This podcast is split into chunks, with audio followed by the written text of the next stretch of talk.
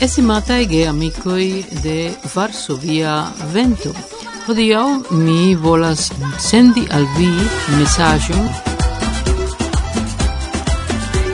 Do, tio signifas che ec de Cubo la amica vocio de Radio Havano Cubo sendas al vi bon desiroen ocase de la nova iaro kai esperas che via laboro estu same vigla kai entusiasma Michiel Duntiucci Yaro Tiu Finichas. Parola Salvi Marixa Gutierrez González, redactorino de la Esperanto sekcio.